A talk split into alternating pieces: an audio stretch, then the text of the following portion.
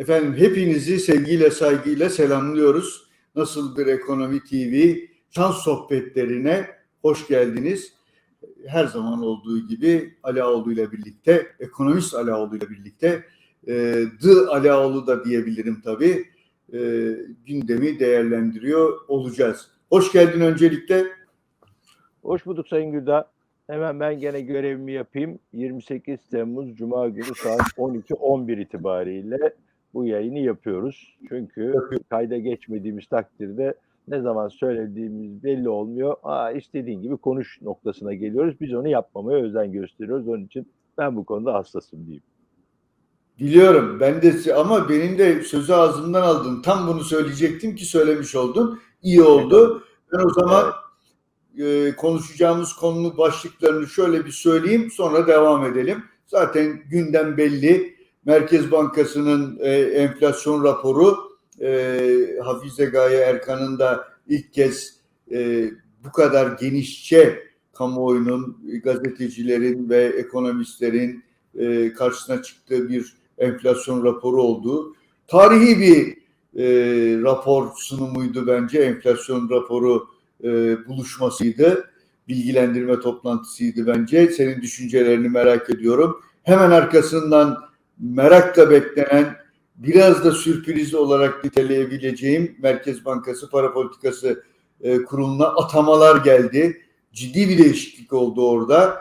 E, onu da beraber değerlendiririz. Tabii ki Fed'i, e, Fed'in kararını ve Avrupa Merkez Bankası'nın kararını da atlamayız. Ama bunları da hızlı bir şekilde yapacağız. Geleneksel olarak mutlaka petrole değineceğim. Sanki senin o uluslararası e, emtia bölümü yöneticisi, e, uluslararası bir bankanın emtia bölümü yöneticisiyle yaptığın iddiada e, o e, yönetici daha önde gidiyor gibi gelmeye başladı bana. Onu bir soracağım. E, aynı zamanda altın gümüşü de çok kısa da olsa konuşuruz. Bana sanki hemen sözü sana bırakacağım. Bana e, biz de öyle verdik zaten. Enflasyon çok uzun zaman sonra cesur tahmin gördü diye verdik. E, gerçekçi politikalara dönmek valla beni sevindirdi. Ne e, politika demeyeyim de en azından tahminlere dönmek, gerçekleri konuşuyor olmak beni sevindirdi. Sen nasıl değerlendiriyorsun? Aynı fikirdeyim. Bence de çok önemli bir toplantıydı ve bana göre herhalde bir 15 yıldır ilk defa piyasanın önüne geçen bir Merkez Bankası enflasyon tahmini oldu. Çünkü e, piyasa benim bir derdim var. Hani bu yayını umarım Merkez Bankası'nın yeni yöneticileri de izliyorlardır. Bunu ben yaklaşık yine 15 yıldır falan söyleye geliyorum. O da şu. Faiz ne olur önümüzdeki 3 ayda sorusunun yanına ikinci bir soru sorulur ise tıpkı Philips eğrisi ya da benzer beklenti eğrilerinin tahmininde yapıldığı gibi veya şeylerin analizlerinin yapıldığı gibi aynı şekilde e, faiz ne olur ne olmalı? İki soruyu bir arada sorarlarsa daha rahat kendileri içinde para politikası yapıcıları içinde çok önemli artık bilgi devşirilebilecek bir kaynak ortaya çıkacak diyorum. Şimdi buradan yola çıkarak yani dünkü toplantıyı yarı can kulağıyla dinledim. Çünkü bir başka toplantıya da katılmam gerekiyordu ama kulağımın büyük kısmı e, şey, Hafize Gaye Erkan'daydı. Birkaç şeyi paylaşmak istiyorum önce toplantıyla ilgili. Kesinlikle ve kesinlikle 58 gibi bir enflasyon rakamına gelinmiş olması bence çok iyi bir haber. Kendilerini bu konuda gerçekten cesur buldum ve kutluyorum. Diğer taraftan yine Sayın Erkan'ın duruşu itibariyle, toplantıya hakimiyeti itibariyle belli ki hem ekip hem kendisi çok ciddi hazırlık yapmışlar. Hiç ılamadan, ikiletmeden çok net. Ha şöyle bir şey var. Ee, birkaç konu var ki benim için 58'e e, 2023, 33'e de 2024 tahminlerini çektiklerinde bence çok da isabetli bir e, yani tutturur tutturmaz o ayrı mesele. Yani onun aşarız aşmayız ama evet. 22 nere 82 nere gibi bir durumla karşılaşmıyoruz en azından. Biraz daha makul. Hatta bu orta nokta bu arada onu da söyleyeyim. Yani 58 orta nokta bunun sapma seviyeleri yıllara sari olarak yakın zamanda yakın vadede dar sonrasında daha geniş sapma aralığı var ama bunlar orta noktalar. Şimdi bu, bu açıdan iyi. E, dediğim gibi e, bu şeydeki sunumdaki performansı bana göre oldukça başarılıydı. Ve e, hakimiyet, rakamlara hakimiyette biraz sıkıntılar ve özellikle şu iki konu benim için kritikti. Şöyle ki ya da kritik demeyeyim ama eleştirebileceğim iki konu. Bir tanesi 4 ya da 5 defa kademeli hareketlerden söz etti. Kademeli alınacak aksiyonlardan söz etti ve bu kademelinin içinde belli ki faize bir atıf var. Ama benzer şekilde kademeli de Merkez Bankası'nın yeni politikası kredi tarafındaki miktarsal sıkılaştırmayı, faizsel sıkılaştırmadan çok miktarsal sıkılaştırma yönüne gideceği, bunda kademeli yapacağını söylüyor. Evet ihracatçı ve yatırıma desteğin devam edeceğini söylüyorlar. Makuldür, bu anlaşılır ama kademeli kısmında benim her zaman endişelerim olur. Çünkü çok uzun vadeye yaydığınızda bu etki çabuk görülmez ve bayağı bir uğraşırsınız. Tıpkı Fed'in yaptığı hatalarda olduğu gibi. Büyük büyük faizler. Orada hep e, optimizasyonun altını çizdi. E, düğümü böyle çözerken dikkatli gitmek zorundasınız gibi vurguları vardı. Ne ifade etti orada? Yani e, Merkez Bankası'nın faiz arttırmada elinin rahat olmadığını biliyoruz, gördük. O miktarsal sıkılaştırma meseleleri hep bununla bağlantılı. Ne beklersin bununla ilgili olarak önümüzdeki süreçte? Bu yeni atamaları da işin içine katarak soruyorum özellikle. Çok güzel. Tam ben de oraya geliyordum. Yani bu kademelinin, kademelerinin sürelerini kestirmek biraz zor. 24 Ağustos'taki para politikası toplantısı herhalde son 3 yılın en önemli para politikası toplantısı olacak gibi görünüyor. Çünkü 3 başkan yardımcısı ayrıldı, 3 yeni başkan yardımcısı geldi. Halen daha bir başkan yardımcısı ve bir PPK üyeliği boşta. Hatırlarsan bu konuyu da konuştuğumuzda geldiğinde ben bu hamleyi yapmasının daha doğru olacağını ve piyasaya net bir mesaj vermek için önemli bir araç olduğunu düşündüğümü paylaşmıştım. Ee, bu değişimlerin yanına ben öncelikli olarak iki yeni ismi oraya eklemenin daha doğru olduğunu, sonrasında içeriden değişiklikler yapılmasının doğru olduğunu düşünen taraftaydım. Atamalara baktığımız zaman hani Cevdet Akçay'ı hepimiz tanırız. Ee, bence önemli bir katkı sunacaktır oraya. Özellikle hani makroekonomi teorisinin pratiğe uygulanmasında yani eski tecrübeleri e, mutlaka işine yarayacaktır. Ama söylemleriyle eylemleri konusunda geçmişteki izlenim izlenimiz inşallah parti politikasına bir şekilde daha doğru bir şekilde yansır diyeyim.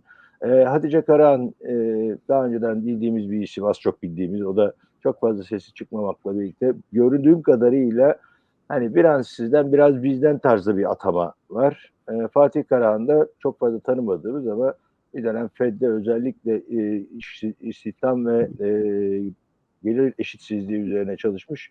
E, bu konuda da e, hani katkı sağlayacağını düşündüğüm isimlerden biri ama biraz dediğim gibi eylem söylem ve aynesi iştir kişinin lafa bakılmaz. Bu Sayın Arkan için de geçerli. Kademe kısmı benim takıldığım konu ve bunca güzel sunumun içinde %58 enflasyon tahminini %17,5 politika faizleri nasıl sürdürecekler veya başaracaklar bununla ilgili çok fazla ipucu yoktu. Bu konuda 24 Ağustos'taki PPK'yı beklemeyi tercih edeceğim. Ama bir şey de belirteyim. Hani bir Boğaziçi'li olarak şu anda başkan dahil bütün para politikası üyelerinin tamamının e, e, Boğaziçi'li olması ve bu Boğaziçi'li e, mezunlara karşılık şu anda Boğaziçi Üniversitesi'nin kökten değiştirilme gibi bir çabası var. Ya bunların ikisi benim gözümde çok ciddi tezat oluşturuyor. Orada da Boğaziçi'ne ben şu anda zulmedildiğini düşünen taraftayım. Ondan da inşallah o üyelerin yaptıkları işler sayesinde de yavaş yavaş vazgeçilir umudundayım. Onu da hemen küçük bir parantez içinde Boğaziçi, Boğaziçi'li olarak paylaşayım. Peki yani sanki e, Merkez Bankası'ndan net dedin. Yani doğru sesler, güzel sesler gelmeye başladı diyorum ben de. E, ama doğru hareketlerin gelmesinde hala bekliyoruz. Yani bu makas açıklığı meselesi yani ilan edilen enflasyon tahminiyle e, faizler arasındaki makas açıklığı meselesi e, işte senin de bahsettiğin o kademeli e, konuyu e, gündemde bir süre daha tutacak. Elleri rahat değil ama doğru sesler e, duymaya başladı kulaklarımız. Doğru hareketler de gelirse bu sıkıntılardan daha hızlı kurtulma imkanımız var. Ee, yoksa e, öbür türlü e, daha doğru seslere rağmen e, iş dünyası, e, reel sektör ve bütün toplum nereye gideceğini önünü görememe konusundaki sıkıntılara devam edecek gibi görünüyor. Ama liyakat bakımından ben mesela de Cevdet Hoca'yı biraz tanırım. Hani kolay bir insan e, değildir öyle kolay kolay nabzı göre şerbet, şerbet falan vermez benim tanıdığım Cevdet Hoca. Mutlaka e, doğru bildiğinde ısrar eder. Keza Hatice Karahan e, Hoca da e, bizim de e, bir epey bir süre yazarımız olarak da e, oldu. E, onun da hem iş dünyasıyla ilişkilerinin gayet iyi olduğunu biliyorum, gözlemlemiştim o dönemde. Hem de onun da doğruları ifade etme noktasında ısrarcı olduğunu da biliyorum. E, umarım hakikaten Merkez Bankası Hafize Gaye Erkan'ın da istediği ekip oluşmuştur ve bundan sonra daha hızlı e, bir yol alırlar. Ama herhalde bu enflasyon tahminleriyle e, 2024 başında hükümete bir mektup yazmaları gerekecek ve o mektupta da mutlaka önerileri de olacaktır diye düşünüyorum. Peki buradan çok hızlı bir şekilde eğer başka bir ekleyeceğim bir nokta yoksa Bir ekleme, doğru bir- ses- bir- doğru bir hareket- olacak. Yani Lütfen. o da dediğim gibi eylem söylem birliği benim için çok kıymetli. Geç- Geçtim ve devamında artık heterodoks denemeleri bir süre yapmayacağız umudunu taşıyorum. Yani dediğim gibi atanan isimlerin neredeyse tamamı, neredeyse değil tamamı Ortodoks eğitimden gelen isimler. Onlar da Ortodoks politikaların uygulanması için çaba göstereceklerdir diye düşünüyor ve umuyorum. Onu da altını çizerek bir söylemek istedim kayda geçmesi açısından. Peki e, hemen bir FED'e bakalım. E, beklenen oldu. Yani 25 bas puan piyasa Benim Ee, beklediğim değildi. efendim Piyasanın benim beklediğim değildi. Piyasanın beklediğiydi. benim de değildi. Ben Ben de diyordum ki ya, ya adam 3'e kadar düşürdü enflasyonu. Daha niye ısrar edecek? De zaten resesyon diyorlar, yok istihdamda şu diyorlar, bu diyorlar. Niye bunu yapacak dedim ama genelde piyasa neredeyse hani son günlerde 90-100 gibi 25 bas puanlı da anlaşmıştı yani onlar öyle düşünüyordu diyelim. Ee, bir hatta bir tane daha faize kapıda araladı yani Powell. Onu da e, yani sen nasıl değerlendiriyorsun bilmiyorum. Ama en azından şu konuda söyleyeyim sen epey zamandır diyordun bu indirim indirim gelmez. E, bu piyasalar kendisini aldatmasın, kimseyi de aldatmasın diyordun. Zaten adam indirimi falan bırak daha yeni faiz arttırımlarından bahsediyor. Nasıl olacak sence? E, bu arada Avrupa'yı da değerlendirebiliriz tabii. Yani Avrupa Merkez Bankası da 25 bas puan daha arttırdı. Evet her ikisi 25'er bas puan arttırdılar. Fed'in e, şöyle iki tane veri en son gelen veriler ama bu çok da e, bir veriye göre karar vermedikleri için ama gene de önemli göstergelerden bir tanesi işsizlik başvuruları halen de artmıyor. Şimdi Hmm. enteresan olan konu bence işsizlik başvurularının artmıyor olması artı ve maaş gelirlerinin yükselmeye devam hatta enflasyondan fazla yükselmeye devam etme eğiliminde olması en son gelen verilerden dayanıklı tüketim verileriyle işte 1.8 beklenirken 2.4 gelen ikinci çeyrek büyüme rakamı belli ki şu andaki faiz seviyesinin enflasyonu aşağı indirmeye doğru önemli bir hamleyi veya önemli bir aşamanın geçildiğini fakat yeterli olmadığını söylüyor FED'e. Benim hep ısrarla söylediğim konu oydu. Özellikle gelirler ve istihdam tarafında herhangi bir zayıflama olmadı. Yani yüksek faiz nedeniyle insanların işini kaybetmediği bir ortamda resesyondan söz edip de faiz indirimlerini konuşmanın çok erken olacağını söyleye geldim. Nitekim bütün gelinen noktalarda bunu kanıtlar nitelikte. Fed'in evet bir, bu sefer e, bir çıt daha kapıyı açık bırakıyor ama ben Fed'in yeni bir faiz artışında bu sefer biraz bekleme noktasına yaklaşabileceğini düşünüyorum. En azından bir sonraki iki ay sonraki toplantıya kadar olan geçen verilerin de Fed'in elini bu konuda biraz rahatlatabileceğini düşünüyorum. Avrupa tarafı biraz daha bence sıkıntılı. Dur, Fe- Avrupa'ya geçmeden Fed için bir şey e, hem söyleyip hem sormak da istiyorum.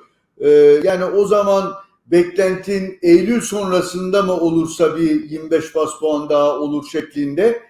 Bir de ya şimdi bu madem niyeti vardı e, enflasyonla ilgili söylediği gerekçelerin tamamı geçen ay için de geçerli. Yani geçen ay niye bekledi? Niye pas e, verdi? Acaba bu iş bankacılık kesimini nasıl etkiliyor onu mu biraz gözlemlediler? Yani e, daha önce böyle bir bankacılar tarafında bir sallantı oldu, bir iflaslara doğru gidildi filan. E, bu hızlı faiz arttırımları nedeniyle olduğu söylendi bu. Dur bakalım bir orayı bir gözlemleyelim ondan sonra mı devam edelim dedi. Zaten geçici miydi? Hani bu kadar veri bağımlısıysa bu FED e, kararlarında aynı veriler geçen ayda geçerliydi. Ne oldu sence?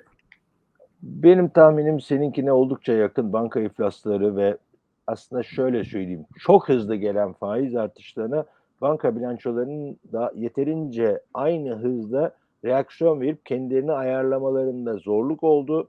Bunun bir takım kırılmalara yol açtığı görüldü. Onun için bir miktar bence beklemeyi tercih ettiler. Bunun enflasyon verileri, işsizlik verileriyle ilgisinden çok dediğin gibi ki o toplantıda konuşulmuştu bankacılık e, tarafında yaşanan kriz veya sorunlar.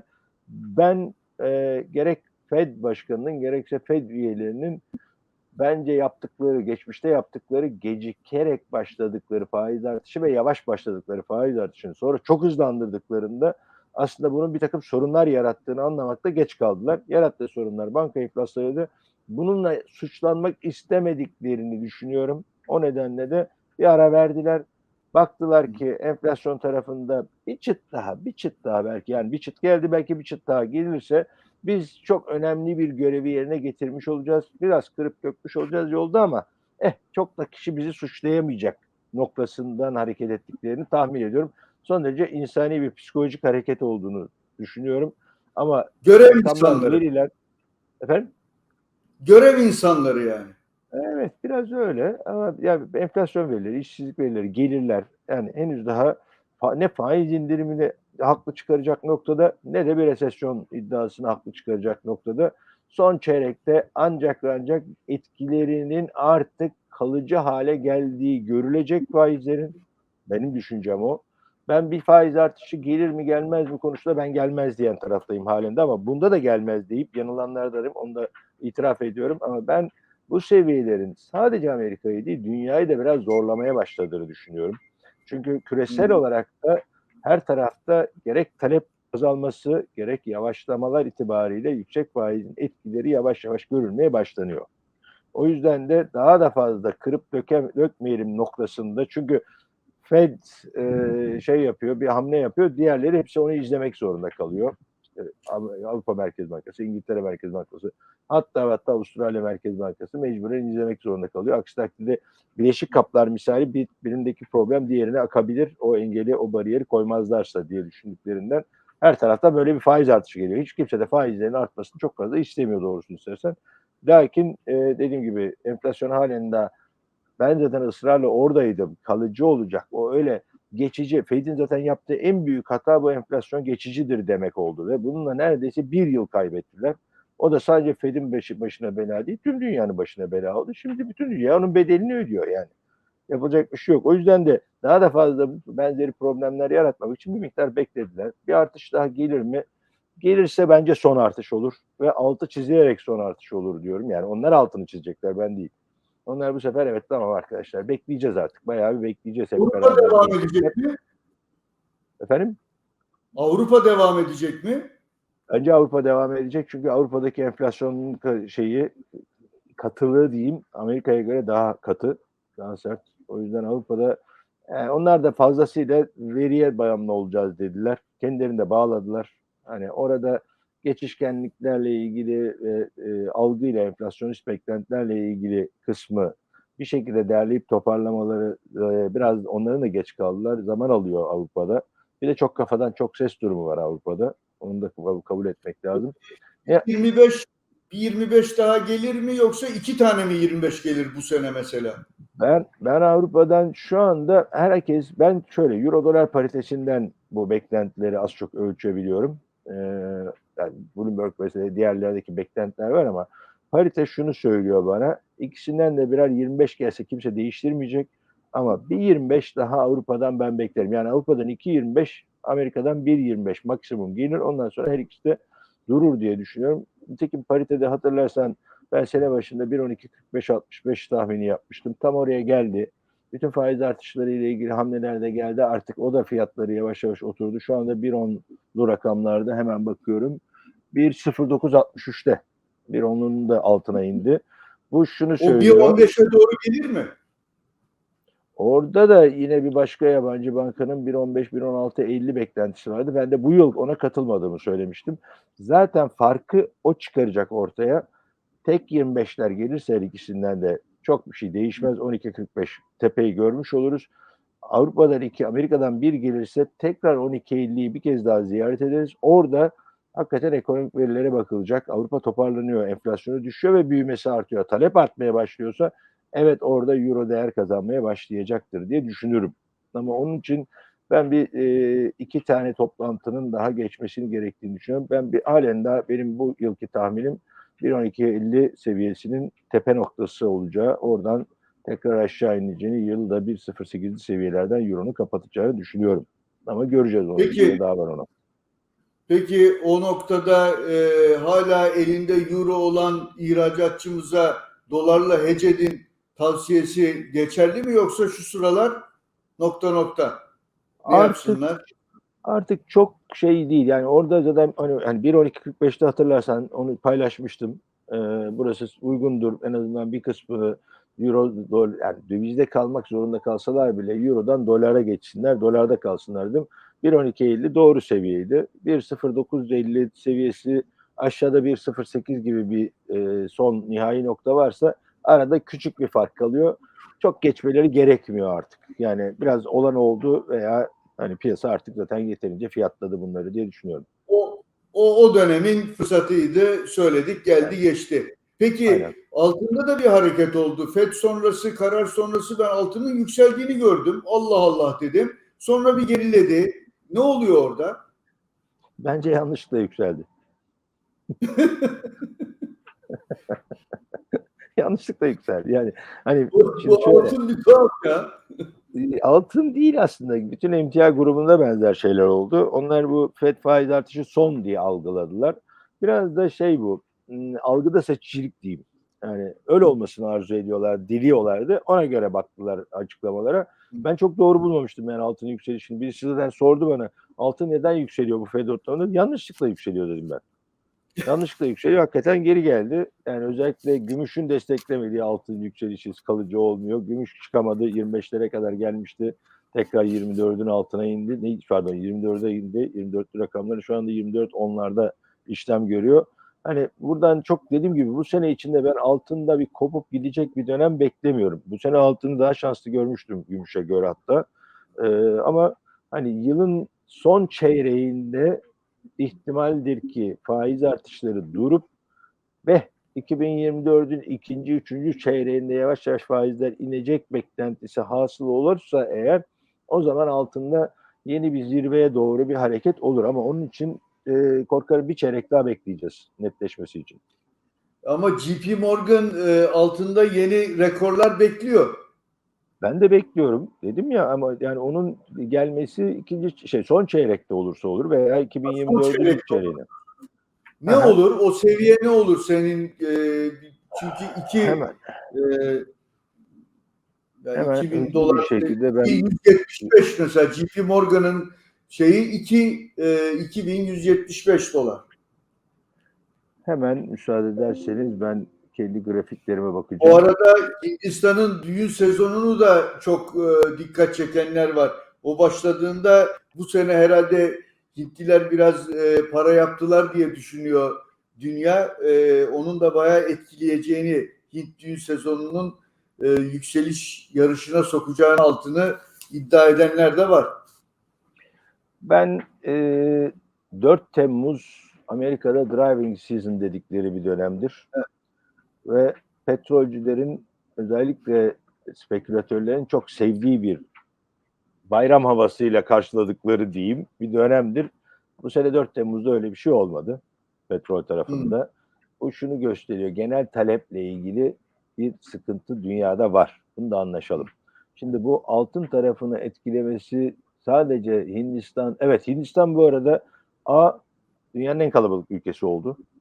Çin'i geçtiler. B ekonomik olarak artık ciddi toparlanma yolunda önemli adımlar attılar. Özellikle sanayi tarafında çok ciddi kalıcı uzun vadeli yatırımlar yaptılar ve sonuçlarını almaya başladıkları yıllara geldik.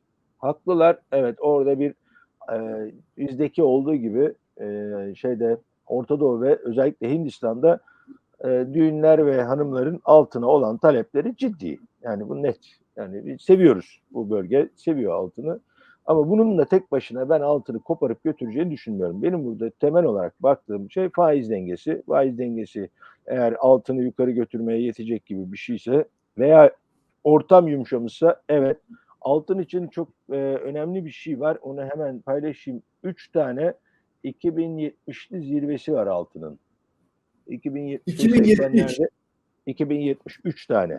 Şimdi bu Evet. üç zirve kritiktir. Yani üçünün üçünün birden daha doğrusu bir iki bir kesinlikle geçilmez. Genelde kesinlikle demiyorum ama bir geçildiğinde zirve olarak görmeyiz. Çünkü zirveye giderken bir yeni, yeni zirveler geçilmiştir. Bir tane zirve görülüp sonra düzeltme başladığında oraya bir diyoruz. Ondan sonra ikinci geldiğinde o aşılamamışsa birincisi hah, buradan sonra da bir gerileme gelir. Şimdi üçüncü geldi. O da aşılamadı.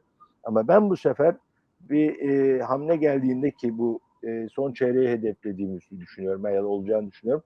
E, ondan sonra geçilecek ve geçildikten sonra da tarih olarak da az çok bir tarih de söyleyeceğim. Evet 140 iş günü diyeyim yaklaşık olarak 7 ay 7 ayın işte 4 ayı bu yıldan geçse kalır 3 ay. Bir dahaki senenin ilk çeyreğinde ben benim tahminim 2250 dolar olur.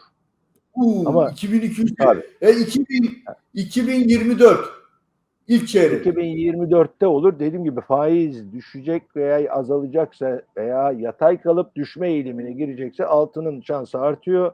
Eğer bir rekor görülecekse de ben JP'nin ya da Goldman'ın tahmini 2175 derse benimki onlardan daha iyi 2250. Yani oraları görülür. Ama şartlar oluşursa hatırlarsan işte altında yeni rekorlar gelir dediğimde öyle bir başlık atmıştık hatırlarsan seninle yaptığımız sohbetlerde. Şartlar oluştuğu takdirde demiştim. Orada da Evet. 27-27 gümüşün aşılması gerekiyordu. Ama hiç öyle bir şey olmadı. Aşılamadığı için mecburen geri geldik. Şimdi orada da önce gümüşün aşılması gerekiyor. Gümüşün 30 doları aştığı noktadan itibaren altında yeni rekor beklemek lazım. Daha önce, daha önce değil. o zaman yani 2024'ün son çeyreği ortalama 2175 dolar diyordu JP Morgan. Sen çok daha farklı bir e, tahminde bulundun. Gümüşü iyi izlememiz gerekiyor anlaşılan. Petrol diyorum. Petrolde e, ne yapıyorsun? İddiayı kaybedeceksin galiba. Sorun değil benim için iddiayı kaybetmek ama Yok ben canım, yani kazanacağım. ben sadece- Yok, yok. Lafa Ben- girizgah ben- olarak söylüyorum. Zaten Yok, bir kahveydi yani sorun yok. Kahve ama kahve sorun şurada. Aslana da içilecekti kahve. Yani sorun kahvenin kendisinde değil. Oldu. Çünkü o Singapur'da ben İstanbul'dayım dedim ortaya neresi? Astana, Astana'da içeriz tamam. Ee, ben halen daha o iddiayı kazanacağımı düşünüyorum. Çünkü e, petrolde Suudi Arabistan'ın gönüllü kısıtıyla bu fiyat yukarıda tutulmaya çalışılıyor. Ama diğer bütün emtia bloğunu özellikle endüstriyel metaller tarafına talep bu kadar örselerken tek başına petrolün suni olarak bu kadar yükseltilmeye çalışılması petrol üreticileri tar- tar- tarafından anlaşılır ama nihai petrol kullanıcılarının düşen talebi nedeniyle onların başı yeniden belaya girer. Şunu da söyleyeyim, benim petrolle ilgili en büyük resimdeki iddiam veya tahminim artık petrolün akaryakıt olarak kullanımıyla ilgili çok ciddi bir talep azalması olacak. Yani bu 5 yılda, e, 10 yılda belki çok hızlı hissedilmeyecek ama 10 yıldan sonra diyelim ki 2030'ların 10, 10 yıl da değil belki daha kısa 2030'larından itibaren hatta bunu 2027, 25, 27 ta- tarihleyenler de var. 2025'ten sonra başlayacak olan bir eğilim var. Şimdi şu anda bu eğilim nedeniyle petrole çok yatırım yapılmıyor. Zaten ben, benimle iddiaya giren e, emtia ekonomistinin söylediği de sav da buydu. Yatırım yapılmadığı için petrol yukarı çıkacak dedi. Haklı olduğu bir nokta var. Lakin bu suni olarak e, Suudi Arabistan'ın 1 milyon varil kendi gönüllü kesintisiyle şu anda burada. Aa, bu seviye Amerika'daki kayaç petrolü üreticilerinin çok fazla iştahını kapa- ka- şey yapıyor, kabartıyor. Hal böyle olunca o 1 milyon varilin çok daha üzerindeki bir rakam Avrupa'dan şey Amerika'dan üretim olarak gelecek. Ben böyle görüyorsam 2030'dan itibaren petrole akaryakıt talebi çok ciddi azalacak diyorsan ki diyorsam ki onlar benden önce görüyorlardır büyük ihtimalle ve benim inancım bu arada onu da söyleyeyim benim inancım kayaç petrolü veya kayaç gazı çıkarma teknolojisi yeni bir teknoloji değil. 1960'lar 70'lerde bulunmuş olan bir teknoloji fakat 2000'lerin başında ciddi olarak yatırım yapılıp Amerika elindeki eskiden bu yukarıdan delinerek yapılan e, sondajlarda çıkarılamayan yatay e, sondajla çıkarılan bu petrolü hızla çıkarma kararı aldı. Ve 2007 tarihinde 2017'yi tarihleyerek önce kendi kendine yeterli oldu. Daha sonra 2017'de petrol ihracat yasakları kalktı. Ki 1970'deki petrol krizi sırasındaydı bu. Petrol ihracat yasakları kalktı ve şu anda Amerika dünyanın en büyük doğal gaz ve ham petrol üreticisi. Sırf bu sebeple bile ben Orta Doğu'da Amerika şunu yapıyor, bunu yapıyor kısmını artık kabul etmiyorum. Çünkü Amerika'nın enerji arz güvenliğini halledeli 5-6 sene oldu. Artık en önemli ihracatçılardan biri. Hal böyle olursa, petrol fiyatı yükselirse de ben Amerika'daki kayaç petrol üreticilerinin yüksek maliyetli olanlarını bile devreye sokarak bu üretimi kendilerine arttıracağını düşünen taraftayım. O yüzden ben bu iddiaya girdim. Biliyorum ben de o yatırımların azalacağı veya erteleneceği beklentisini ama buna karşılık Amerika'da yapılmış olan yatırımların çok daha hızlı üretime dönecek ki Amerika'daki kapatılmış olan 2008'den itibaren kapatılmış olan kuyuların önemli bir kısmı açıldı. Halen daha zirveye gelmedi. İlk zirvesine gelmedi. Bu arada Amerika gelirse piyasaya ben daha halen Peki, daha kazanırım. Şey söyleyeceğim. Kısa vadede e, biraz Çin'den bir paket beklentisi var. Bir canlanma paketi, e, ekonomiyi canlandırma paketi beklentisi var. Herhalde onun da etkisiyle biraz daha e, şeyler e, yukarıya doğru çıktı petrol fiyatları. E, yani muhtemelen bunda Ukrayna-Rusya savaşının son dönemde böyle Rusya'nın bazı e, tankerleri vurması, limanları vurmasıyla da biraz daha jeopolitik taraftan gelen tansiyonla da beslenmiş olabilir. Tahminini alabilir miyim? Yani son tahminin nedir bu konuda? Hem e, Batı Teksas için hem de Brent için beklentin nedir ya da tahminin? Ben Brent için söyleyeyim kritik bir e, eşik geçildi. Bu arada iddiayı kaybetme ihtimalim o yüzden artmış durumda. 200 günlük hareketli ortalaması geçildi. Ama ben halen daha şu anda gene bir önemli bir bariyer değil 84,5 bir 87,5 görürüz. Çok büyük ihtimalle e, ben e, iddianın diğer tarafına e, ölümü gösterip sıtmaya razı ederim.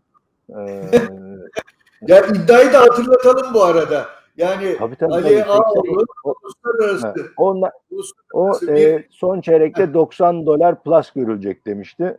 Ben de 65 dolar. ve minus görülecek demiştim. Şu anda çok şanslı görünüyor. E, ama ben 87.5'a kadar çıkartır oradan ona şey yaparım. Double yaparım mesela. İki, iki iddia ikiye katlarım. yani Bir tane de 65 İstanbul'a artı diyorsun. Aa, 65 civarı. 65. Yani 70'in altı. Benimkisi 70'in altı 65 dolar görülecekti. Onunki 90'ın üzeri görülecek şeklindeydi. Tamam. Ben 70'in altına iddiaya girdim. O 90'ın üzerine iddiaya girdi. Girdiğimiz yerde de petrol 80 dolar, 75 dolardı. Neredeyse ortalarda bir yerdeydik. Ben hatta daha zorlamıştım kendimi.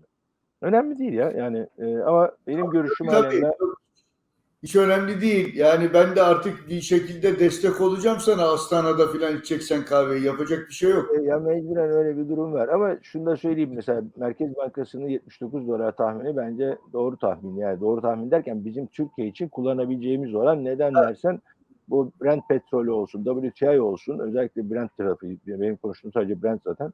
Brent tarafında e, özellikle Rusya'nın bu tahıl koridoru ve sonrasında petrolünü bir ara neredeyse başa baş satar hale gelmeye başlamıştı.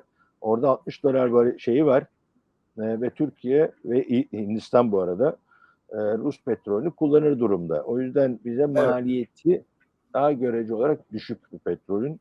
Ama 60 doların üzerine de çok çıkamayacak ya da çıkamayacak Rus petrolü 60 doların üzerine.